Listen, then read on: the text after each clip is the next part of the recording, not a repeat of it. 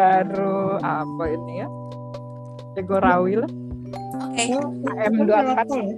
Lewat tol ya? Heeh. KM 24 Jagorawi Oke, kita udah kita sudah live ya. Ci, kau langsung aja Ci. Nanti aku tutup aja. Eh, eh jangan dulu nih kenapa nih aku punya webcam? Hai eh, Bunda. Bunda Baiti, apa kabar? Ini kenapa jadi begitu Ci? Tunggu makanya. Jangan aku dulu, kamu dulu deh. Sebentar. eh nggak boleh ketawain sesama teman. kan kita Teman lagi bersenang-senang Teman Nggak lagi susah Kak. kok dia bersenang-senangnya. Emang kan susah apa Ci? emang Emang ketawa susah Ci? Hah? Kayaknya kau gak pernah susah deh. Apa pun yang terjadi. Ya. Bu. happy dia. Aku lagi susah Bebas. dia happy. Oke, saya buka dulu ya. Selamat Oke. pagi, eh, selamat hari Senin.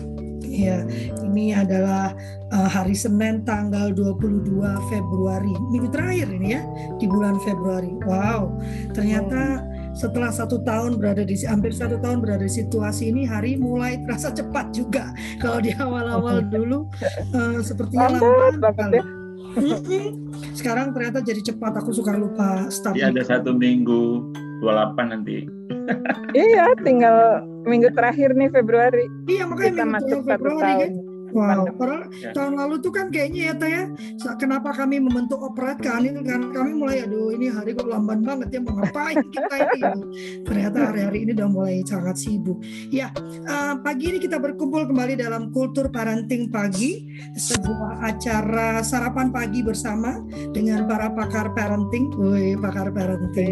Ya, belajar. pagi ini kita ditemani kembali oh, dengan Kak Anil Dawan. Hari ini sudah benar saya nulisnya. Kalau yang minggu lalu saya salah nulisnya. Kak Anil Dawan, eh, seorang ayah, wah yang luar biasa Ada. yang sampai eh, apa tidak hanya mau berperan penuh dalam kehidupan anaknya, bahkan berbagi tentang parenting. Ini menurut saya eh, ini ya. Menurut saya luar biasa ya. Dan pagi ini kita akan dipandu lagi oleh kakak yang lucu. Yang karena itu sebetulnya Ci menurut aku ya karena kan di awal minggu udah bilang Lovely aku mau minggu tenang. Dan kau masih live live ih diambil sama Tuhan. Katanya minggu tenang kamu masih live live aja. Udah kau nggak bisa disuruh minggu tenang beneran. Kembali lagi dengan Kak Melikyong dan Teh Yanti. Eh, karena Teh Yanti dalam perjalanan ke Bogor maka mungkin tidak akan membuka camp. Eh, lang- langsung saja ya, saya serahkan ke Kak Meli untuk memandu acara pagi ini. Silakan Ci Oke, selamat pagi. pagi Saya senang sekali. Tuh, saya tuh membantu Kak Yanti. Kalau sesama teman tuh harus dibantu, walaupun dia gak, dia lagi perjalanan aku ini bantu. peluk peluk Padahal tadi aku ada masalah tuh. Ini ada apa nih sama saya punya web ya? Tuh kan diketawain sih. Ya kok bukan pundung, pantesan barang itu juga pundung melulu. Iya, ada apa ya? Tadi udah keluar. biar biar saya ikut tertawa kan Iya, udahlah kalau gitu nggak usah pakai web deh, gue pakai apa yang ada ya. Ya, terus sementara nggak usah lihat wajah saya lah, biar tambah rindu aja. Itu udah keluar lagi tuh. Ya, ini yang nggak pakai web tuh jelek. Oh, oh. Oke, nggak apa-apa lah. Kita harus bisa menerima apa adanya, apa pun keadaannya, ya. Jadi kita belajar sekali. untuk menerima. Betul nggak Kak Yanti? iya dong Ya, saya seneng banget loh kalau dengar kata eh, apa dengar dengar ada satu status ya bahwa ayah ikut berperan. Aduh, rasanya itu doa saya setiap hari setiap malam nih gitu ya. Eh, saya seneng banget gitu ya bahwa eh, selama ini kalau seandainya Indonesia dapat predikat negeri tanpa ayah itu kan menyeramkan ya gitu. Jadi Iya, mudah-mudahan pernah, nggak seperti itu ya Kak Yanti ya gitu betul dan banyak juga yang eh, meyakini bahwa dengan adanya LGBT itu karena peran ayah yang kurang gitu ya. Eh, kalau kita dengar eh, banyak apa ya banyak seminar-seminar yang menceritakan tentang eh, peran ayah yang kurang bisa menyebabkan itu tadi ya kehidupan anak-anak kita yang yang eh, sedikit berbeda itu gitu. Itu ber- berarti ini menjadi tugas dan tanggung jawabnya kita bersama-sama gitu Nah hari ini misalnya lebih banyak ibu-ibu gitu. Jadi uh, ya kita sekali lagi kita gak akan bisa mengubah keadaan, tetapi kita bisa bersama-sama mencari solusi gitu ya. Jadi uh, kita nggak bisa menyalahkan ya, nggak bisa menyalahkan siapa pun ya. Tapi kita bisa memulai dari diri sendiri. Saya senang sekali. Selamat pagi Pak Anil ya. Saya mudah saya hari ini tidak akan salah. Tapi kalau misalnya minggu lalu kalau saya yang sebut mungkin saya akan panggilnya Pak Anil Tawan karena saya senang makan.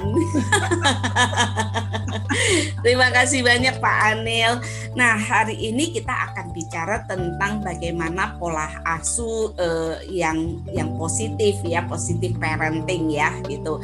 Nah daripada saya nanti menyampaikannya yang salah gitu lebih baik biar Pak Anil aja langsung ya. Pak Anil saya kasih waktu 25 menit, nggak boleh lebih. Tapi kasih yang positif-positif aja ya, yang negatif-negatif itu kita tinggalkan. Oke silakan Pak Anil. Terima kasih uh, Kak Meli, uh, teman-teman semua, salam sehat, selamat pagi. Ini hari Senin, saya harap menjadi hari yang penuh semangat. I like Monday.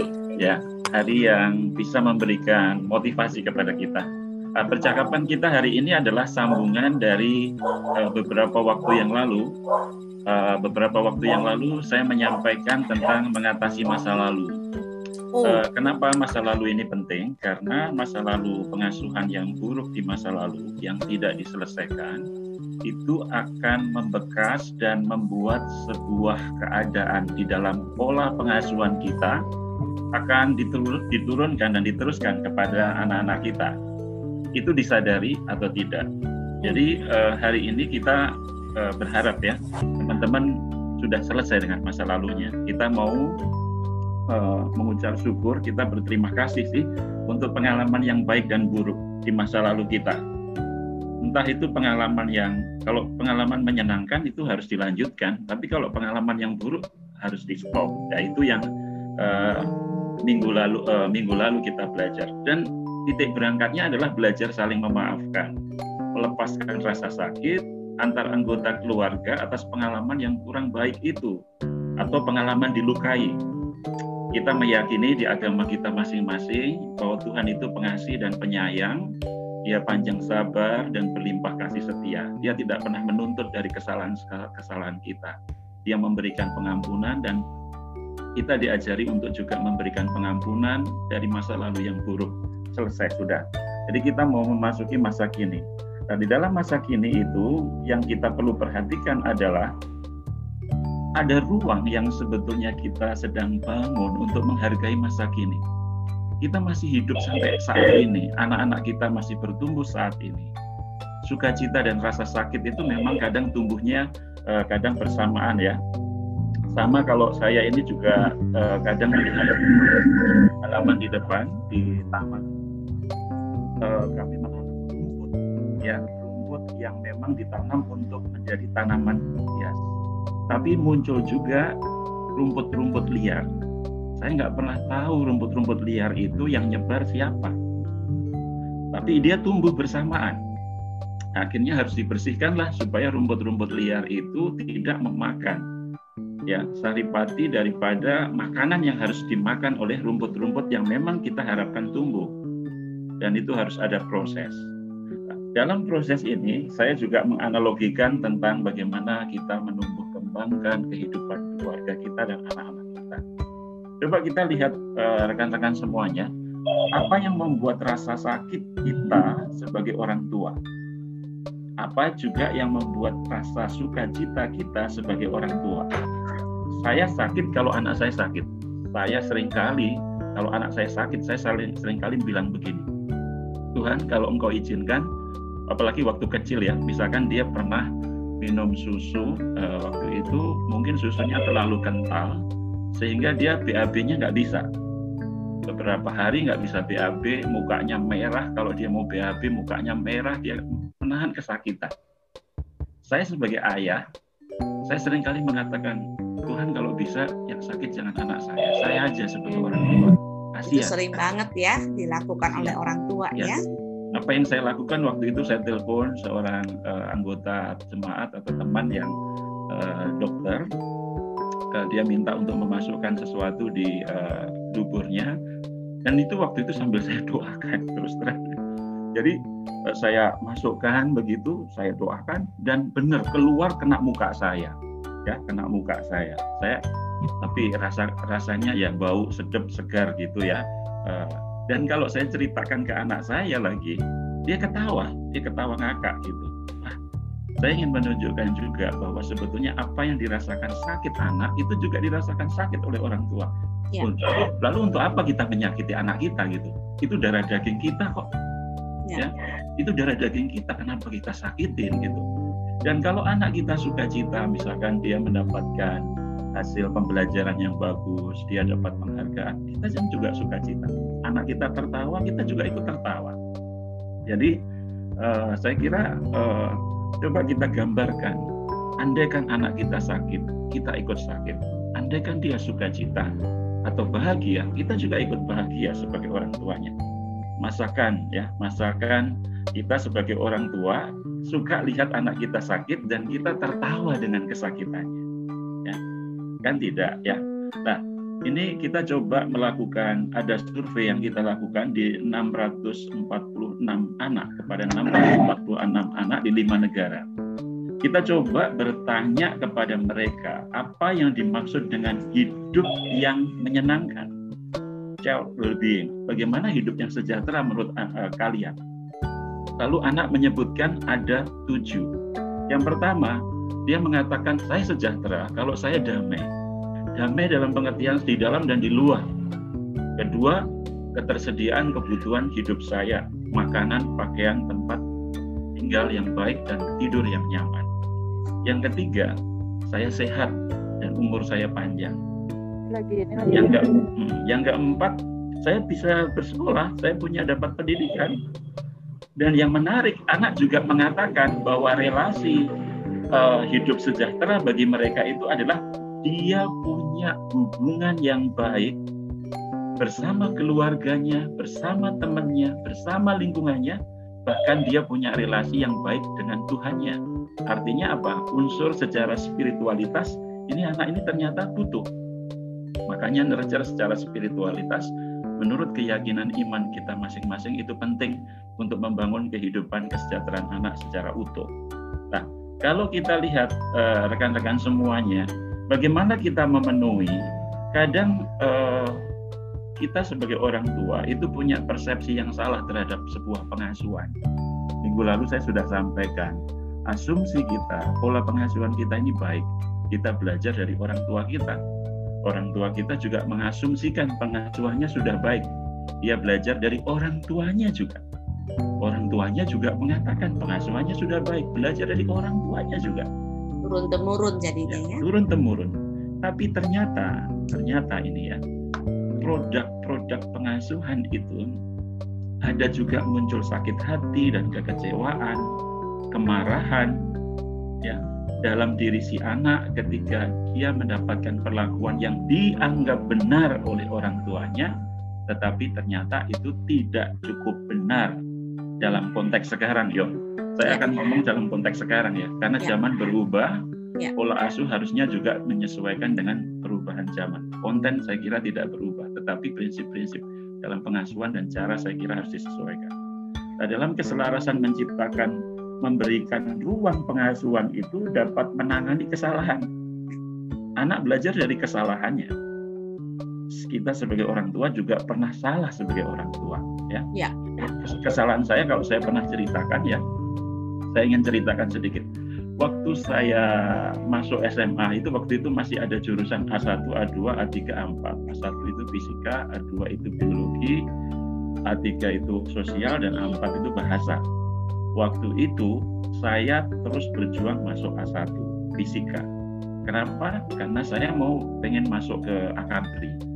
Saya ingin menjadi tentara atau polisi dan itu kalau masuk A1 konon katanya lebih gampang gitu ya. Saya berjuang gitu ya. Dan akhirnya saya masuk A1 ya. meskipun pas-pasan ya. Dan uh, dan saya bisa melewati A1 itu dengan baik saya bisa lulus SMA bisa menyelesaikan S1 gitu ya. Pada suatu kali anak saya juga masuk SMA. Dia bertanyalah kepada saya, hanya ada dua pilihan waktu itu, A1 dan A2.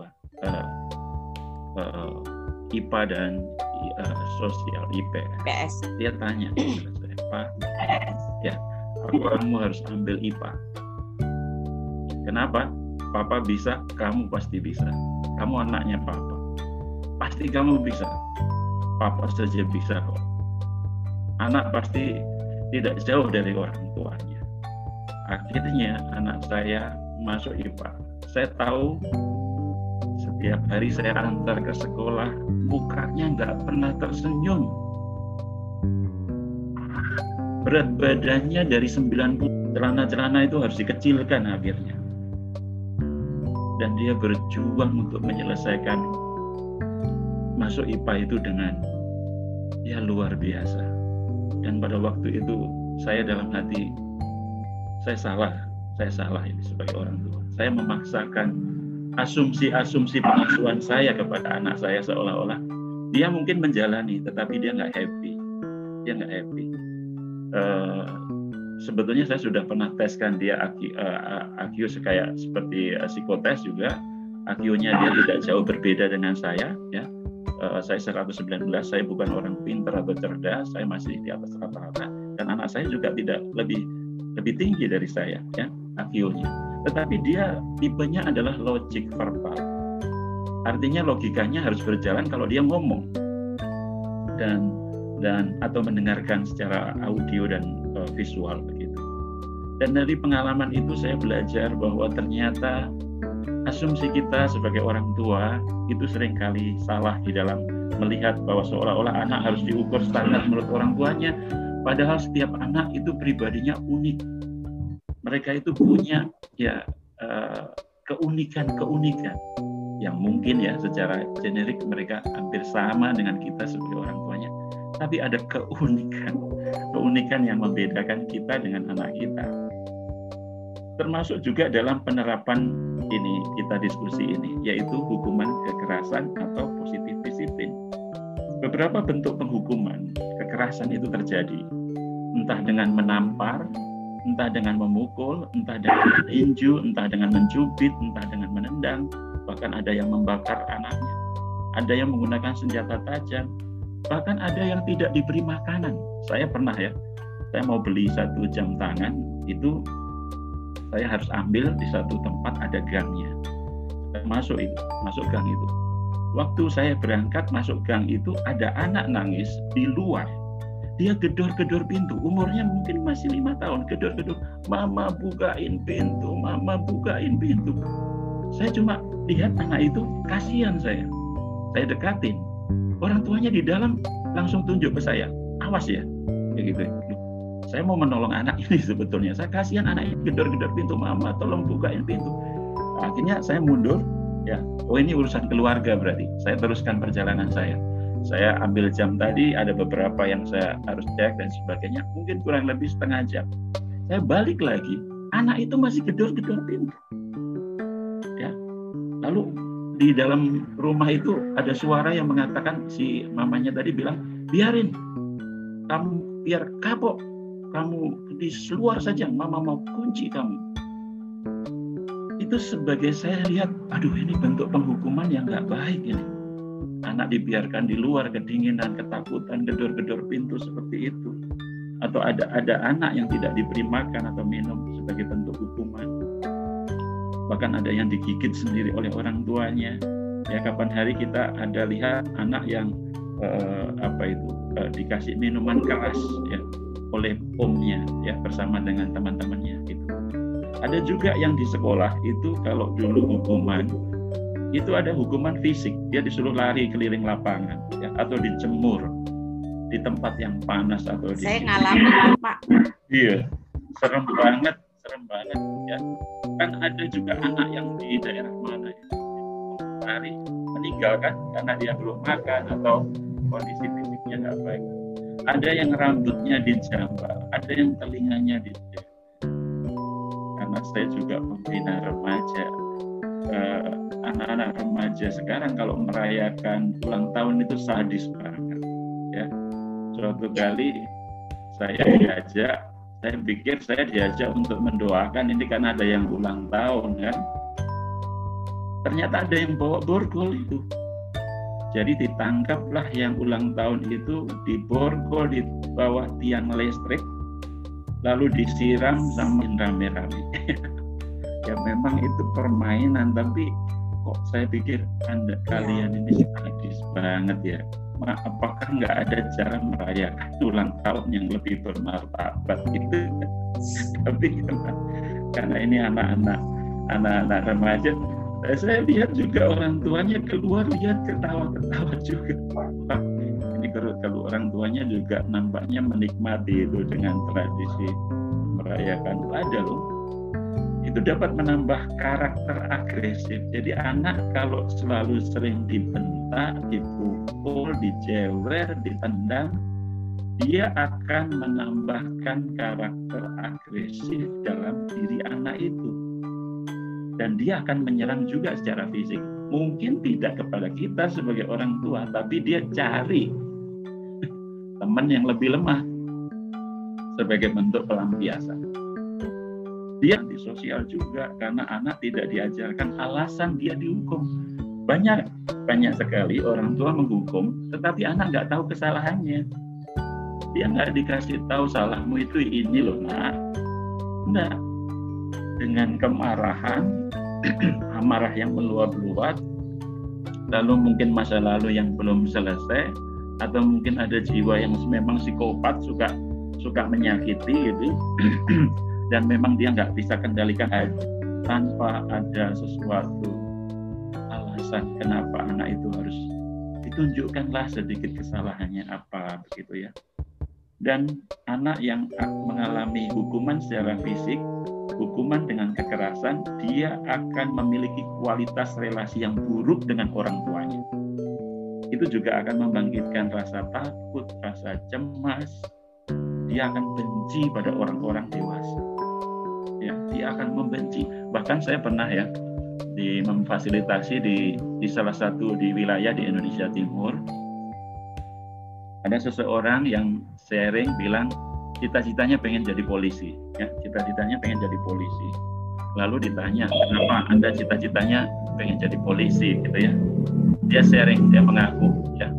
Saya sebetulnya cita-cita saya jadi polisi bukan untuk mengayomi mereka saya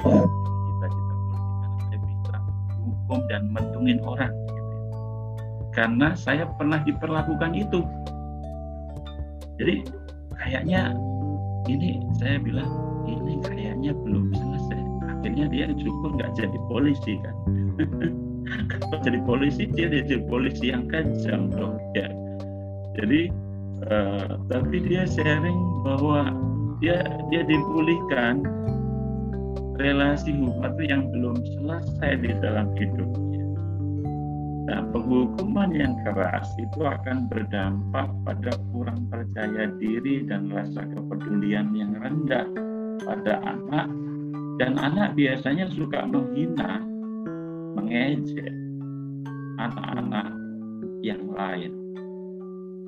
Dan dia akan makin menyukai tindakan-tindakan kekerasan, dan bagi, bagi beberapa orang tua atau pengajar mengubah karakter atau mengajarkan sesuatu dan jika tidak ditangani maka ia akan menjadi pelaku kekerasan secara fisik. Saya pernah membaca sebuah artikel itu ternyata dampak kekerasan terhadap anak yang diasuh dan dididik, dididik dengan kekerasan itu di rumah maupun di sekolah ada 16 baru banyak banget. Mentalnya akan dia merasa tidak berguna ya. Dia bersikap murung gak happy gak bahagia sulit mempercaya orang lain. Dia bisa bersikap dia mengalami depresi sulit mengendalikan emosi bahkan sulit berkonsentrasi dan kadang ada luka atau cacat fisik yang bahkan bisa menyebabkan pada kemampuan kesehatan dan pertumbuhan kecerdasan kecerdasannya tidak berkembang baik IQ, EQ-nya atau SQ-nya nggak berkembang. Dia akan menyakiti diri sendiri bahkan bisa juga mengalami. Jadi saya ingin katakan di sini bahwa hukuman dengan kekerasan itu akan membawa dampak yang sangat fatal kepada tumbuh kembang anak.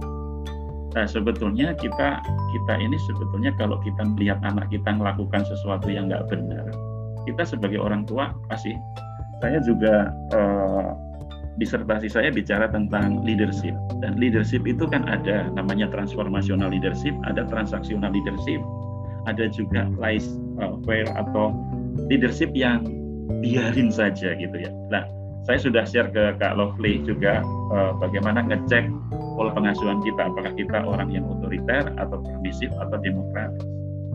Orang yang otoriter akan menganggap bahwa semua harus dilakukan dan tidak ada uh, dialog.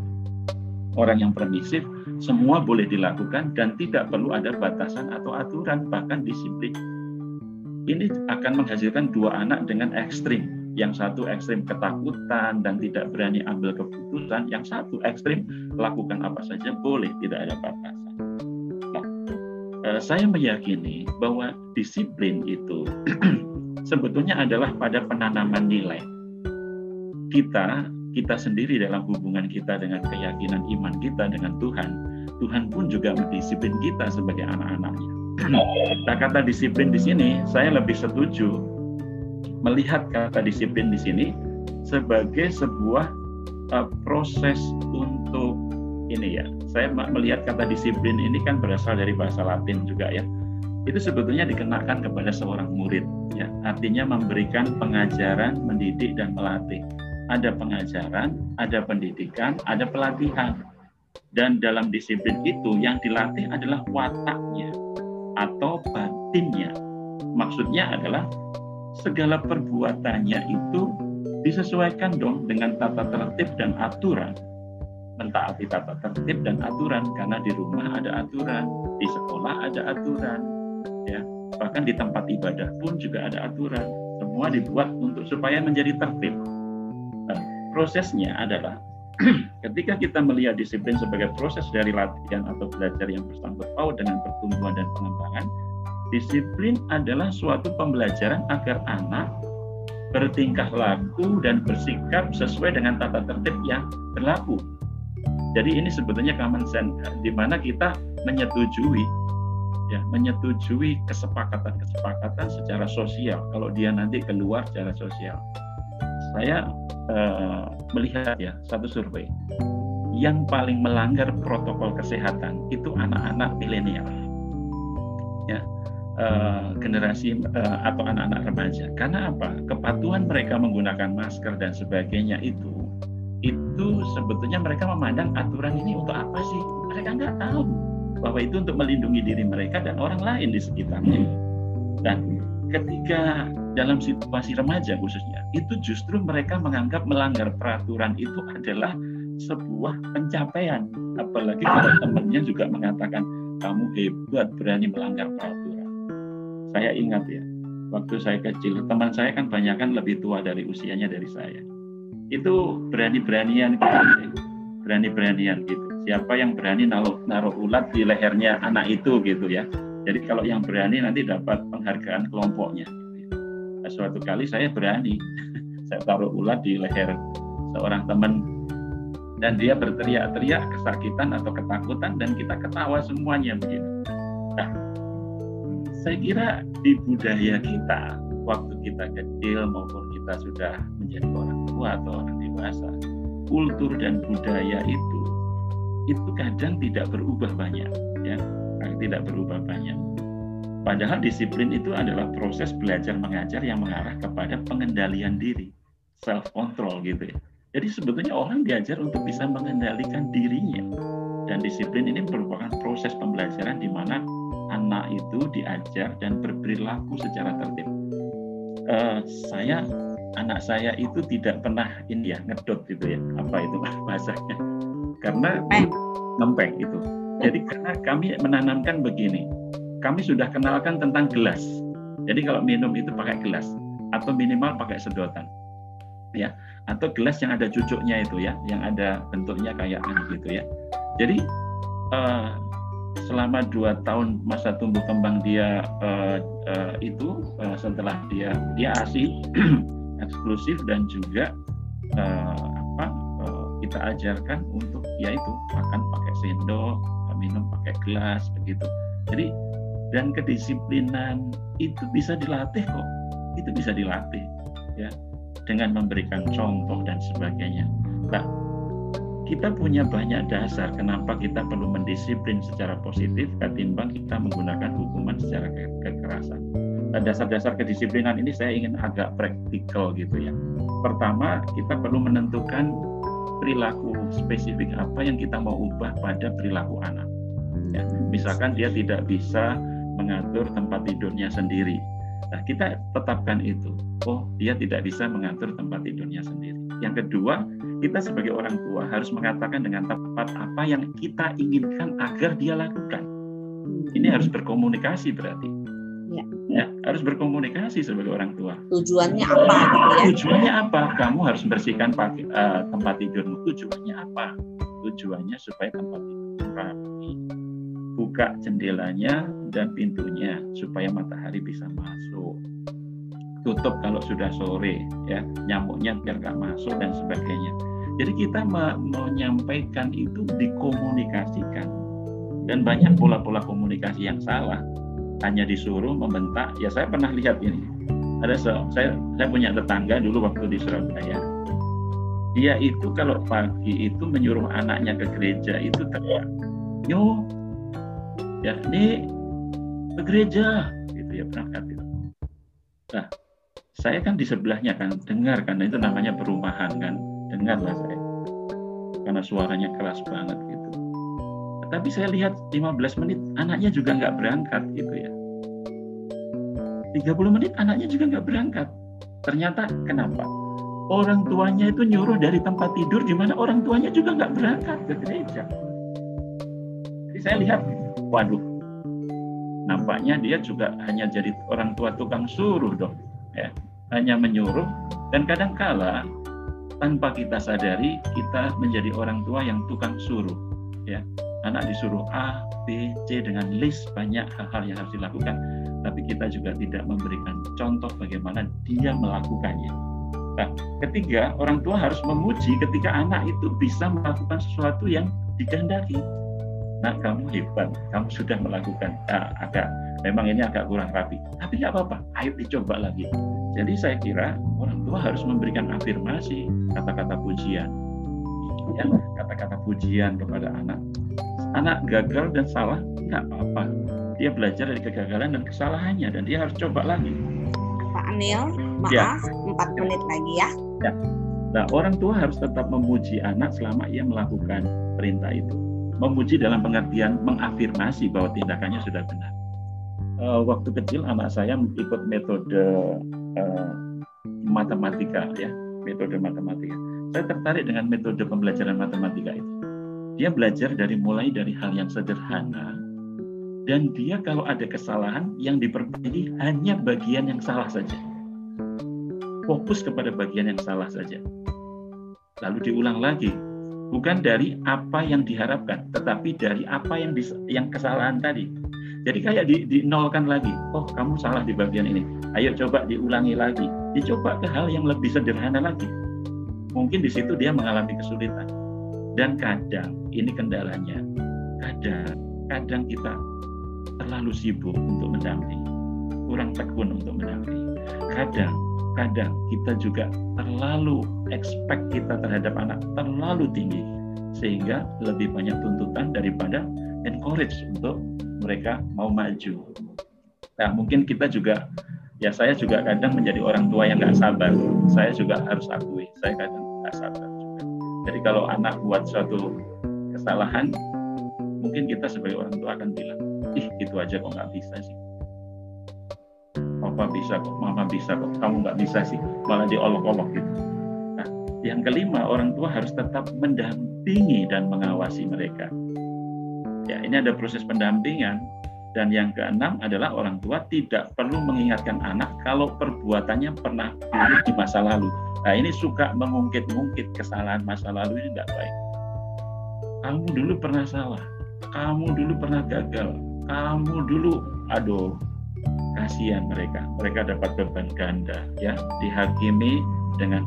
Nah, ada beberapa prinsip dasar di dalam uh, hukum, uh, bukan hukuman, tapi disiplin positif itu, yaitu bahwa orang tua harus mengembangkan rasa hormat dalam diri anak terhadap orang tua, guru, dan kepada orang-orang dewasa lain. Penanaman sikap hormat ini penting. Ya. Hormat dalam pengertian apa? Hormat dalam pengertian respect. Orang yang lebih dewasa harus respect. Ngomong yang benar, tata caranya ada, jangan semaunya dan sebagainya. Ya, saya saya tiga bersaudara. Saya dibesarkan dari kultur budaya Jawa.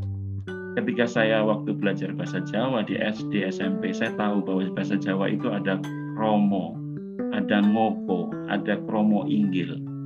Dan saya tahu ternyata hierarki bahasa itu menggambarkan perlakuan terhadap siapa kita berbicara. Dan pada waktu itu saya memilih dengan keputusan saya sendiri, kalau sama orang tua saya memakai kromo. Kromo inggil saya tidak terlalu bisa, tetapi paling tidak saya memakai kromo. Kromo itu adalah bahasa yang lebih halus daripada bahasa ngoko. Contohnya kalau saya ngomong, uh, ada orang tanya ke rumah, uh, orang tua di mana? Orang tuamu ngapain? Kalau uh, bahasa Jawa itu kasar adalah uh, wong tuaku turu gitu, geletak itu di sana gitu ya.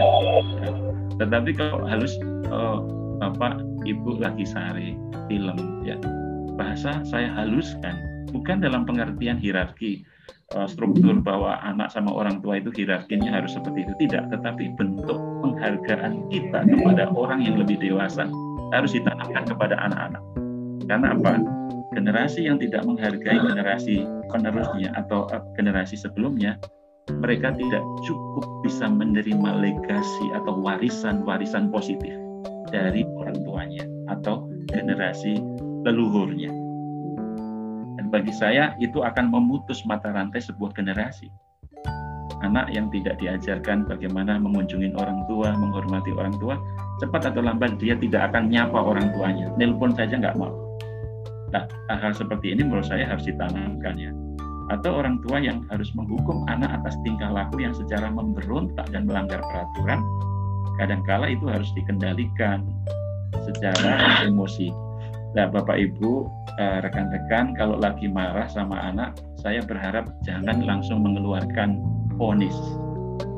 Eh, coba ke self care dulu, tarik nafas, selesaikan kemarahan Anda, tarik nafas, pegang dadanya sendiri, ya, sambil tarik nafas hembuskan pelan-pelan kalau saya nama saya Anil saya akan ngomong kepada diri saya sendiri Anil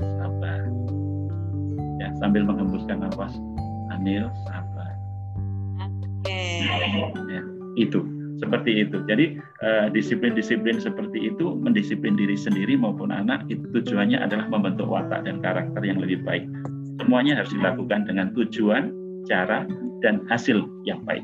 Itu Kak Mel Oke, terima kasih banyak Pak Anil. Walaupun waktu kita cuma setengah jam gitu ya, kalau setengah jam kita mendengarkan dengan mindful ya, dengan penuh perhatian apa yang disampaikan oleh Pak Anil, kita akan mendapatkan banyak sekali poin pembelajaran di sini. Sebenarnya kalau kita bicara tentang pilihan, kita mau memilih yang mana gitu kan intinya semua orang tua pengen sekali anak-anak itu bisa berbahagia gitu ya tapi bagaimana caranya? Nah, itu kita harus membahagiakan anak-anak kita dulu kalau kita bicara dalam pola pengasuhan positif. Ya, Nah, ternyata banyak sekali dari kita nih sebagai orang tua yang sudah merasa bahwa apa yang saya lakukan itu sudah benar. Kenapa? Karena saya belajar dari orang tua kita, bukan dari orang lain, gitu ya. Dan kadang-kadang kita juga suka merasa bahwa apa yang dilakukan orang tua kita sudah benar dan itu yang celakanya kita suka melanjutkan tanpa merasa bahwa situasi sudah berubah sekarang gitu ya. Cara kita mendidik pun juga harus lakukan perubahan-perubahan gitu. Nah dengan adanya uh, apa ya uh, disiplin yang sangat positif banget gitu ya bahwa kita tidak semata-mata mendisiplinkan anak itu cuman eh, ekspektasinya kita adalah bahwa anak kita setelah kita disiplinkan dari yang tadinya dia nggak nggak bisa terus pokoknya jadi bisa gitu tanpa kita mengikuti sebuah proses gitu ya bahwa di dalam mendisiplinkan anak-anak itu ada prosesnya gitu loh. Bagaimana kita itu juga perlu ada pengajaran di situ why-nya apa sampai mendisiplinkan anak. Terus habis itu caranya supaya dari yang tadi dia nggak bisa menjadi bisa itu perlu proses dalam pelatihan pelatihan sampai dia terbentuk satu karakter yang baik gitu ya. Ini luar biasa banget ya Pak uh, Anil ya. Terus dan prinsip dasarnya itu juga perlu sekali kita uh, sadari gitu bahwa kita perlu menanamkan uh, menanamkan sikap hormat gitu ya. Jangan sampai kita itu anak itu melakukan uh, disiplin ya tapi dengan ketakutan gitu. Jadi bukan karena dia hormat sama orang tua yang dengan setulus hati mendidik dia penuh dengan kasih seperti itu ya. Aduh banyak banget ya. Saya kalau mau tulis ini kayaknya satu bab udah jadi deh gitu. Nah eh, kita eh, serahkan kepada teman-teman di di sini yang mau bertanya sama Pak Anil silakan. Nah mungkin eh, oh saya senang banget hari ini kayaknya banyak banget nih bapak-bapak nih si Lovely bilang sama saya, C, sayang lu sekarang bapak-bapak banyak yang masuk. Aduh saya habis bagaimana Lofi saya mau berhenti mau hening dulu sebentar. Terima kasih saya mau sapa Pak Irwan. Halo Pak Irwan. Pak Irwan tuh sama saya di satu komunitas nih ya Uh, Pak Bagus, terima kasih. Ini ada Pendeta Adi. Aduh, yang saya sapa yang laki-laki Pak Masri. Saya senang banget mas senyumnya Pak Masri ya. Oke, okay, nah saya lanjutkan. Mungkin teman-teman yang mau bertanya silakan. Atau sebelum teman-teman bertanya, mungkin Kak Yanti mau sampaikan sesuatu dulu. Silakan Kak Yanti. Ci, itu udah ada dua pertanyaan ya di, di chat. Oke. Okay. Ya. Kak Yanti mau sampaikan sesuatu dulu atau kita langsung ke pertanyaan? Nah, saya langsung ke pertanyaan dulu aja ya. Ini dari Ibu Dia Purwanti gitu ya. Bagaimana sih caranya menumbuhkan rasa percaya diri pada anak yang cenderung introvert nih Pak Anil? Padahal eh, dia dididik dengan dukungan dan demokratis gitu.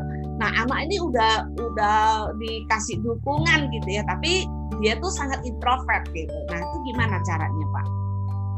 Ya, memang setiap kepribadian anak kita harus kenali Bapak Ibu sekalian rekan-rekan baik ekstrovert maupun introvert. Sebetulnya eh, tidak ada pribadi kepribadian yang benar atau salah, baik atau buruk. Masing-masing itu memiliki keunikan, memiliki kelebihan, strength, eh, tetapi juga memiliki weakness, kelemahan. Ya. Dan kita harus memandang bahwa kita meyakini bahwa kalau kita menjadikan pengasuhan itu sebagai proses laboratorium kita mengasuh dan menumbuh kembangkan anak kita, kita harus meyakini bahwa kepribadian itu tidak kita ubah.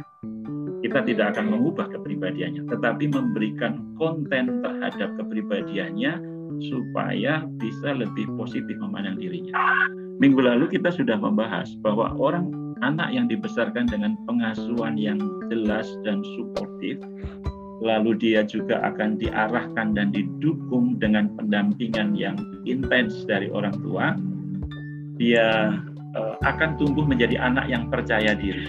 Nah, percaya diri anak introvert tidak akan seperti anak ekstrovert.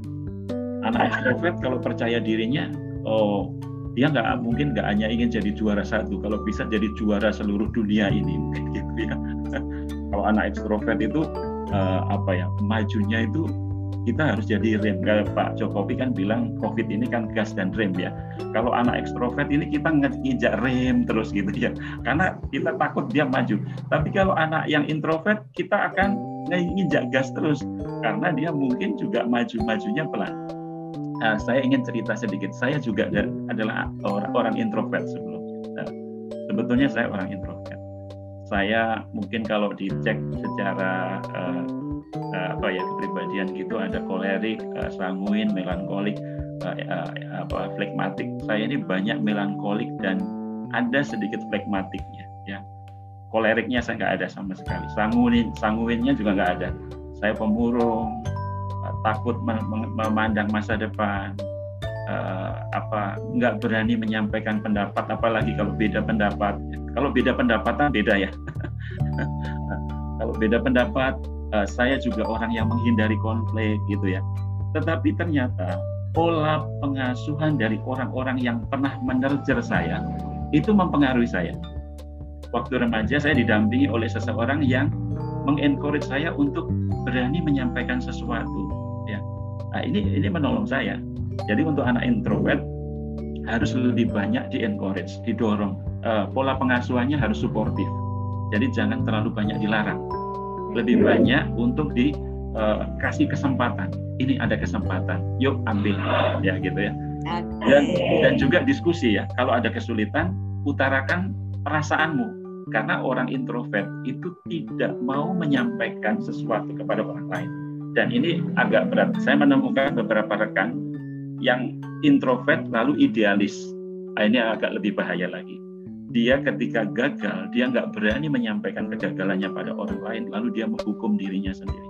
Biasanya untuk anak-anak introvert yang idealis atau orang-orang seperti ini, yang bunuh diri biasanya orang-orang seperti ini. Jadi ini harus kita waspadai dan jadikan ruang aman dan terbuka. Jadilah orang tua yang terus berdialog dengan anak dan suportif untuk anak introvert karena mereka butuh butuh seperti itu. Dan kayaknya, kalau salah jangan dihakimi, jangan salah. Maaf Pak Anil, ini kayaknya dia udah lakukan itu Kader. Maksudnya dia sudah memberikan dukungan, dia sangat demokratis. Artinya dia telah memberikan ruang kepada anaknya untuk boleh mengutarakan apa yang dia mau gitu. Oke. Okay. Nah, gitu. Jadi maksudnya tetap kali ya anak itu kok rasanya masih belum percaya diri gitu. Oke, ini dengan pertanyaan dengan Bu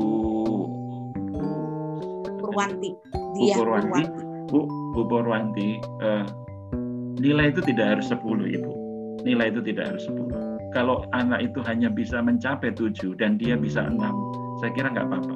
Artinya begini, kalau usaha kita sebagai orang tua sudah maksimal, ekspektasi kita yang kita harus turunkan. Ekspekt kita yang harus kita turunkan ya. Karena jangan-jangan saya juga tidak tidak ini ya, saya belum tahu uh, dalam dalam konteks ini seberapa maksimal yang sudah dilakukan. Kalau saya sih percaya, saya percaya setiap manusia itu bisa dikembangkan apa pun keadaannya. Bahan mentah kayak apa pun itu bisa dibentuk dan diolah apa pun caranya. Dan dan oleh karena itu bagi saya uh, mungkin mungkin gini ya, ada sisi yang mungkin diberikan ruang oleh Bu uh, tadi Bu Budia. Budia untuk memberikan ruang kepada orang-orang di sekitar yang punya expert expert untuk mendampingi anak ini. Uh, kalau boleh tahu anaknya laki atau perempuan Ibu? Hmm. Ya nanti dicek ya. Nah artinya artinya di sini Budia uh, mungkin karena agak beda kalau nurture anak laki-laki dan perempuan menurut saya agak beda ya. Oh, pendekatannya ini nanti akan ditentang sama Lovely nih ini karena bicara tentang gender lagi ya maksud Pak. saya begini maksud saya begini pendekatannya saja kalau intinya sama ya pendekatannya okay, okay. anak kan kalau perempuan kan harus perasaannya dulu ya kalau laki-laki kadang logiknya dulu gitu jadi ya, maksud saya ya. uh, pada pendekatannya saja oke okay. nah, jalannya uh, sama saja sebetulnya Baik, jadi mungkin nanti Bu Diah bisa uh, tetap maksudnya perlu menghadirkan anaknya gitu ya untuk men, uh, membicarakan oke okay, yang kita ingin capai itu seperti apa. Jadi biar kita tidak over ekspektasi gitu ya Pak Pak Anil ya. ya. Oke, okay, ini ada pertanyaan yang kedua ya Pak Anil. Ini dari Pak Agus gitu. Bagaimana sih cara merubah karakter anak secara cepat dan jitu? Aduh ini. Apa hukuman yang terbaik untuk anak agar lebih baik? Bagaimana cara merubah anak yang memiliki ketergantungan ya. Saya rasa pertanyaannya Pak Agus ini mewakili banyak banget orang tua yang ya kadang tidak sabar gitu loh eh, pengen sekali anak itu seperti yang diinginkan seperti yang digambarkan. Silakan Pak Animo. Ya, tidak ada cara yang paling instan untuk mendidik seorang anak. Saya mengatakan tidak ada cara instan, Bapak Ibu sekalian. Ini bukan seperti uh, membuat mie instan, ya. ya. Cemplung-cemplung itu mie-nya, telurnya, lalu bumbunya jadi. Anak tidak bisa begitu, Bapak Ibu sekalian. Jadi saya saya tidak berani memberikan kalau saya dicari tanya cara instan, saya tidak bisa memberikan itu. Yang ada adalah kasihi dan cintai ya terima anak itu apa adanya karena dia adalah ya titipan Tuhan yang diberikan kepada kita. Terima dia apa adanya. lalu arahkan, bimbing dia dengan disiplin yang baik. Ciptakan ruang yang aman, yang nyaman bagi tumbuh kembangnya. Jadilah orang tua yang suportif, menghargai, memberikan bahasa cinta, mengafirmasi kalau dia berhasil, memberikan hadiah, seberapapun hadiah itu, memberikan sentuhan fisik, memeluk atau mendekat dia, ya, dan memberikan pelayanan-pelayanan kecil ataupun praktis, bahkan juga memberikan waktu yang luang yang cukup kepada dia dan berkualitas. Saya kira proses itu, hasil itu tidak akan mengingkari proses. Ya, terima kasih. Dengan baik. Terima kasih banyak Pak. Terima kasih banyak Pak Anil. Uh, mudah-mudahan Pak Agus merasa ter apa, terjawab ya. Jadi sekali lagi mungkin ya Pak, mungkin sedikit ya tambahan dari saya juga Pak. Itu kalau kami di Mindful Parenting itu selalu belajar pertama itu ya kalau misalnya nih kita mendapati anak punya satu kelakuan yang menurut kita itu negatif, menurut kita itu bermasalah gitu ya. Nah, yang harus kita lakukan itu adalah pertama tuh kita dengarkan dulu kenapa sih sampai masalah itu terjadi. Coba kita dengarkan dulu gitu ya. Kita coba uh, introspeksi kenapa sih sampai ini terjadi. Kita terima dulu bahwa ini sudah ada gitu ya Terus yang kedua tutup mulutnya nih, kita nggak usah menghakimi gitu. Tetapi kita cari prosesnya why, kenapa sampai ini terjadi dan yuk kita ajak anak kita. Nah, menurut kamu kalau seperti ini eh, bagaimana solusinya? Jadi kita berikan ruang kepada anak itu untuk mendiskusikannya Nah, ketika kita tidak menghakimi, itu ada suatu penghargaan buat si anak. Di situ keran itu terbuka untuk kita berkomunikasi. Itu sedikit tambahan dari saya sih Pak Agus ya. Oke, mungkin ada lagi di, di dalam sini yang mau bertanya, silakan. Uh, Kak Lovely, kita waktunya sudah habis. Sudah 8.30 ya. Nanti perpanjang nggak tambah 10 menit Kak? Karena tadi kita maunya kan untuk 10 menit. Oke, okay, Kak Lovely baik sekali dia kasih 10 menit. 10 menit itu begitu berarti. Silakan ini mungkin ada yang katanya ini Ibu yang dari SDN ini. Oh, oke, okay. silakan. Ibu siapa nih? Ibu SDN 101921. Oh, jadi ingetin saya dulu Beverly Hills jadinya. silakan Ibu. Ibu siapa namanya? Silakan perkenalkan diri. Di uh, di unmute dulu Bu ya. Wah, ini hebat nih guru loh. Saya nggak tahu guru atau kepala sekolah tapi ambil kesempatan ini untuk belajar ya. Jadi kata siapa kita nggak punya kesempatan untuk belajar? Kalau kita mau selalu ada jalannya ya. Benar ya kak Lofi ya? Mm-hmm. silakan ibu ibu siapa? Ibu Selviana ya? Ya silakan bu Selviana. Di unmute dulu. Ting, ini saya mau bicara buka dulu deh gimana bu Wati nggak ngerti apa ini? Nggak ibu ngomong udah kedengaran kok bu. Silakan. Nggak apa-apa nggak usah ada video nggak apa-apa. Udah kedengaran. Oke ibu selamat pagi. Uh, ini saya di sini. Ya maksudnya kita mau kasih pendapat apa mau kasih pertanyaan gitu bu boleh dua-duanya boleh berpendapat karena kan di sini kita saling belajar betul ya Pak Adil ya. Ya, nah, jadi ya. boleh kasih masukan, boleh kasih pendapat, boleh kasih kritikan, boleh kasih saran, boleh juga bertanya. Silakan Ibu Sylvia. Ya, kalau untuk menghadapi anak-anak seperti yang sudah saya alami, kalau anak-anak sudah mempunyai karakter, karakter itu susah memang untuk dirubah. Susah banget untuk dirubah. Namanya dia sudah punya karakter. Tetapi kalau menurut saya karakter yang jelek untuk kita rubah menjadi yang baik itu secara lambat tahun pelan-pelan. Tidak boleh secara instan seperti yang dibilang ibu bapak tadi. Secara pelan-pelan kita uh, mendekati menyentuhnya uh, memberi kasih sayang supaya dia dapat merubah karakternya yang kurang baik tadi menjadi baik. Begitulah pengalaman yang sudah saya alami karena saya seorang guru. Jadi untuk mendekati anak sekolah pun di sekolah saya tidak melalui pentungan tetapi menyentuh dengan kasih sayang. Mudah-mudahan banyak orang yang sudah bandel yang karakternya kurang baik di rumah kalau di sekolah bisa menurut kepada saya dan banyak yang sudah berubah. Dan memang saya menuai ketika mereka sudah berhasil mereka menceritakan kembali kepada saya saya dulu bu begini begini begini karena ibu mendekati saya menyentuh saya maka saya menjadi berubah saya kira begitu simpelnya bu yang bisa saya bagi ini Terima kasih banyak Bu Selviana ya. Jadi uh, sangat selaras ya dengan apa yang Oh. disampaikan uh, oleh Pak Anil ya bahwa kita butuh kasih. ya, mencintai, menerima anak itu apa adanya. Karena anak itu adalah titipan Tuhan. Ya Tuhan telah memilih uh, siapa orang tua dari anak itu itu pasti sudah disesuaikan gitu. Jadi sayang sekali kalau sampai kita tidak bisa memanfaatkan itu kira-kira kira gitu ya Pak Anil. Mungkin Pak Anil mau tambahin? Ya, eh, jadi penerimaan yang utuh akan menjadikan anak itu punya eh, gambar diri yang positif. Itu penting. Itu yang pertama saya kira harus ditanamkan dulu. Ketika dia diterima apa pun keadaanmu nak, kamu adalah anak papa, mama, ya, kamu anak bapak dan ibu, eh, bapak dan ibu mengasihi kamu. Apa pun keadaan kamu, kamu diterima apa adanya di rumah ini. Ya, itu harus diyakinkan pada diri anak. Di sekolah juga saya kira gitu. Guru bukan hanya mengajarkan keterampilan akademis pendidikan. Nah, dalam bidang kegiatan pelatihan kedisiplinan atau pendisiplinan, saya kira harus ada namanya balanced life ya, keseimbangan.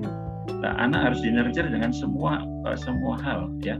Jadi dia harus disesuaikan dengan kemampuan eh, ininya ekspektasi kita harus disetel dulu dengan seberapa anak itu mampu karena setiap tahapan usia perkembangan anak ekspek orang tua kan harus disesuaikan tidak bisa Ya. untuk anak 13 tahun kita mengekspek dia seperti anak 17 tahun kan tidak bisa gitu. Nah, Ya. lalu juga sekarang masalah penggunaan gadget misalkan itu yang paling banyak pertanyaan juga bahwa karena semua sekarang adalah belajar dari rumah gadget uh, jadi barang yang seperti uh, sangat uh, dekat begitu dan kadang Utama, penggunaan ya. ya, itu menjadi kecanduan atau apa. Tetapi ketika pendisiplinan ya kesepakatan untuk mengubah dan apa yang mau diubah, alasan mengapa mengubah, mengapresiasi kalau dia sudah berubah, ada batasan-batasan yang disepakati ya itu akan membuat oh ternyata memang hidup ini harus diatur gitu supaya baik semuanya. Nah, tadi malam saya saya hari Minggu Sabtu itu saya pakai waktu untuk anak saya. Eh, kami tadi malam nonton bola sampai jam 3 pagi. Hanya untuk ngobrol sebagai seorang ayah sama anak laki-laki. Dia hobinya nonton ya saya temani nonton sampai jam 3 pagi. Eh, sambil ngobrol-ngobrol. Dia tanya eh, pengalaman saya waktu kecil, dia tanya juga apa yang disukai, lalu dia tanya, Pak teman-temannya Papa ini kalau COVID gini kongko apa enggak? Papa suka kongko apa enggak? Jadi ini ngobrol-ngobrol saja. Jadi tapi sarananya adalah tadi nonton bola itu. Tadi saya sebetulnya nonton bola untuk nemani dia, tapi sarana ngobrol dengan dia. Jadi tidak harus kata disiplin itu digambarkan dengan hal yang menyeramkan, aturan berbaris dan kalau salah dipukul. Tidak, tidak Bapak Ibu sekali. Saya hanya menggambarkan pendisiplinan itu adalah pola menanamkan nilai untuk membentuk watak dan kebiasaan positif pada diri anak. Itu sebetulnya kata disiplin itu saja. Saya tidak tidak lebih daripada itu.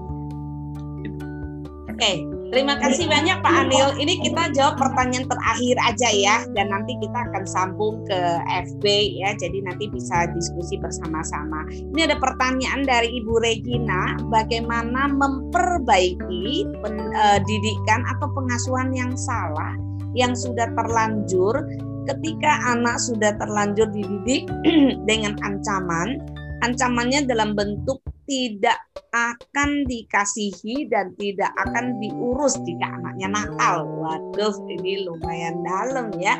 Nah, apa yang harus dilakukan gitu, uh, uh, Pak Anil? jika jika sudah terlanjur nih, terlanjur Ya. uh, berat. Kalau terlanjur harus mundur dulu ya. Saya kira kalau terlanjur harus mundur dulu eh, ikut yang minggu lalu ya. Harus menyelesaikan dengan menyelesaikan dengan masa lalu itu eh, karena di situ nampaknya gini, rumah itu kalau dibangun dengan fondasi yang rapuh bag- sebagus-bagusnya rumah itu akan runtuh ya. Saya ulang lagi. Rumah yang dibangun di atas fondasi yang rapuh sebagus-bagusnya rumah nanti akan runtuh gitu ya pola pengasuhan itu tidak bisa dengan kata kamu tidak dicintai, kamu tidak dikasih. itu menyakitkan.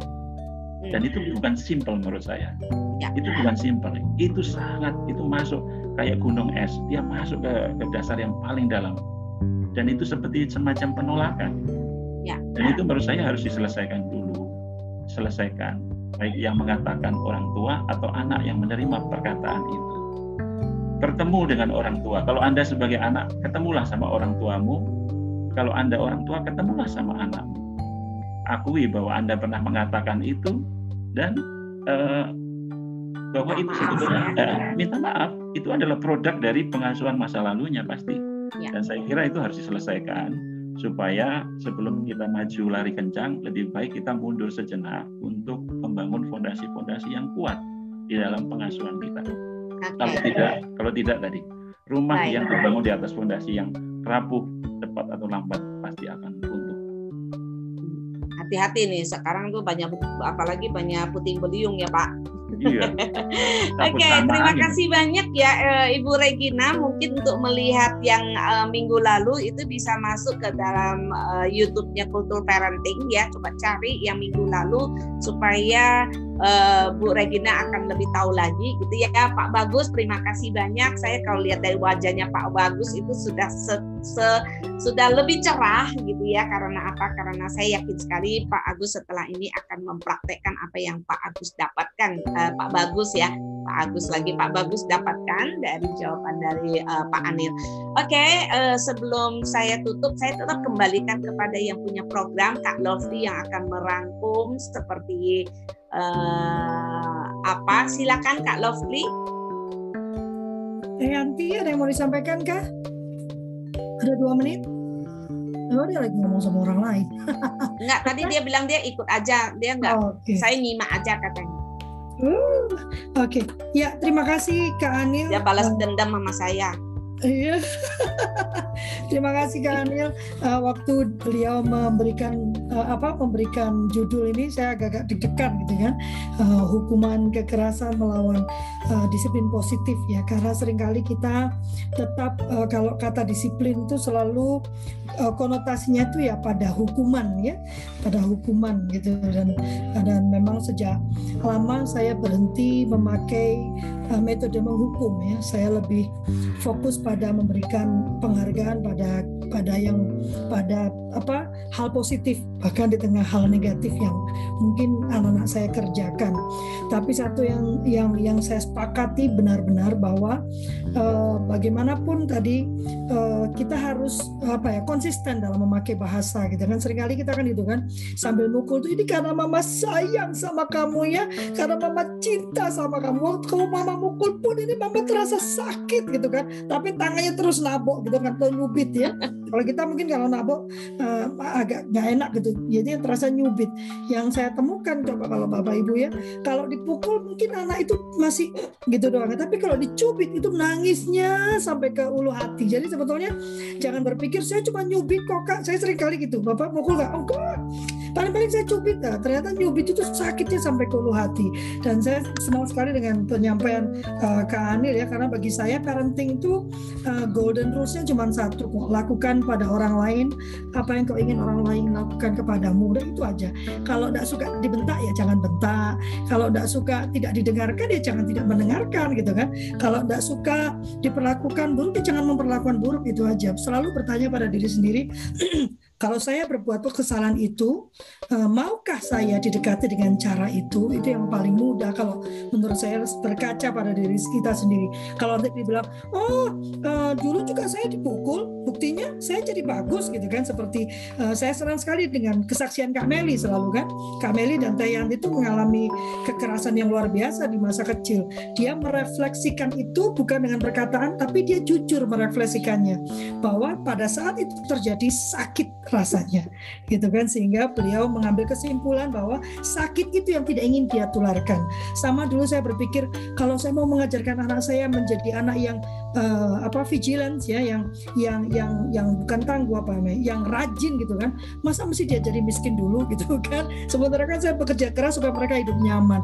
Jadi saya mencari cara mereka tetap rajin eh, walaupun tidak hidup miskin gitu ya. Karena dulu saya miskin sehingga saya harus bekerja keras ya kan. Ternyata yang ditemukan adalah kasih sayang dan eh, apa contoh ya toladan. Tadi Kak Anil mengatakan toladan.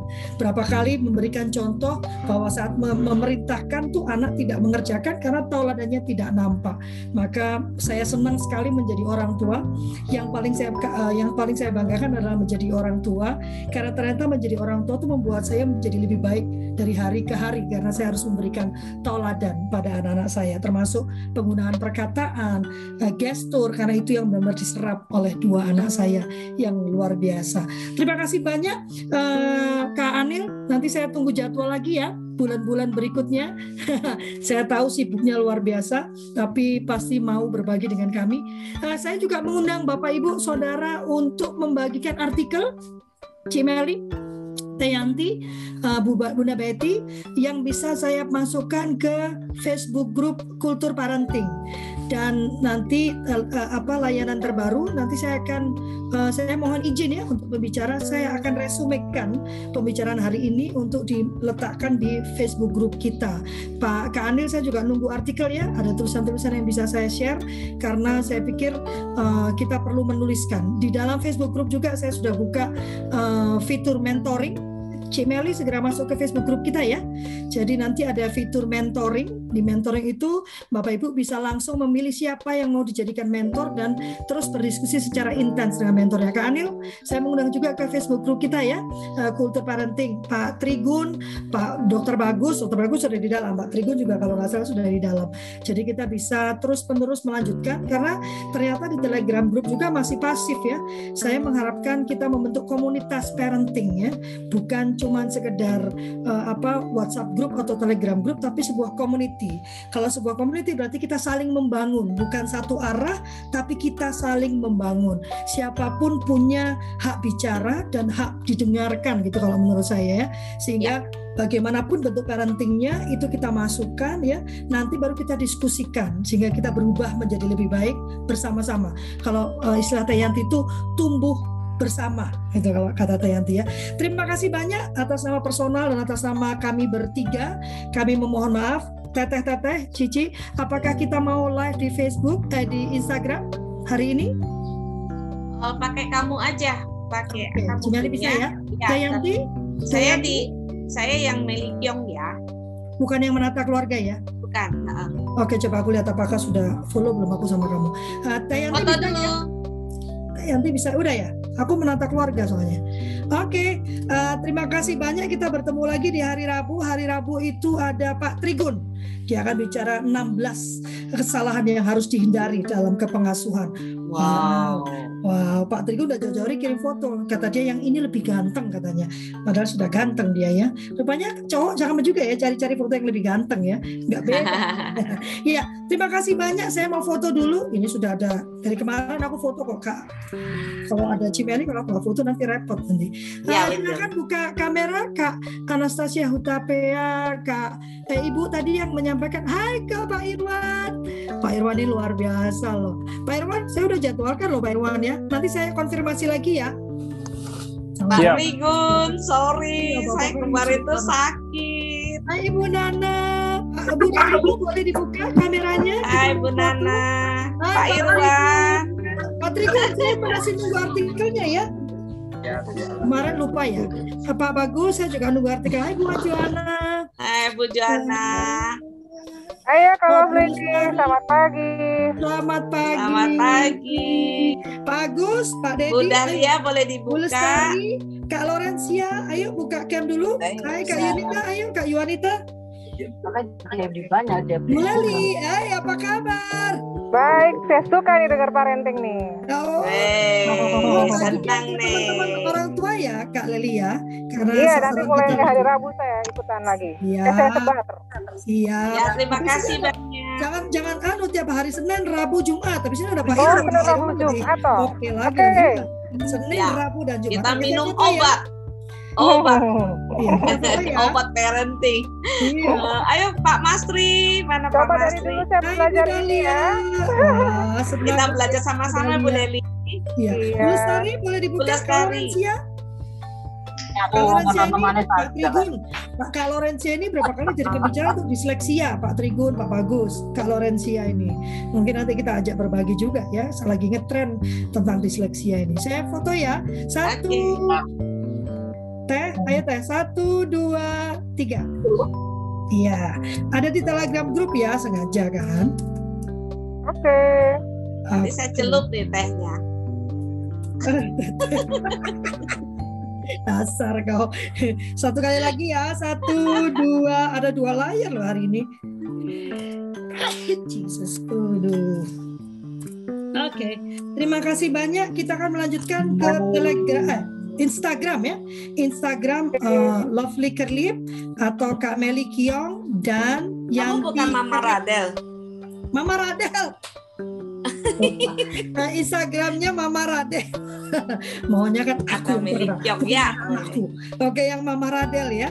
Eh, terima kasih banyak. Sampai ketemu lagi hari Rabu jam 7.30 sampai 8.30 dan setelah ini bertemu di Instagram kami eh, Mama Radel, Yanti Kerip dan Meli Kiong. Terima kasih. Salam sehat. Terima kasih. Terima kasih banyak ya Pak Anil. Pak Bagus, Pak Irwan, Bagus, Pak Bu Irwan. Leli, Yang rajin bapak-bapak Pak makasih, Asri Bu juga. Dahlia, makasih, Iya. Terima kasih saya tutup ya. ya. Amin. Mas. Iya. Tunggu tunggu saya mau me- Anak Palestina. Pak Masri. Mbak Selfie. oh, nggak bisa di save itu. Kak Lestari. Pak Muhajir.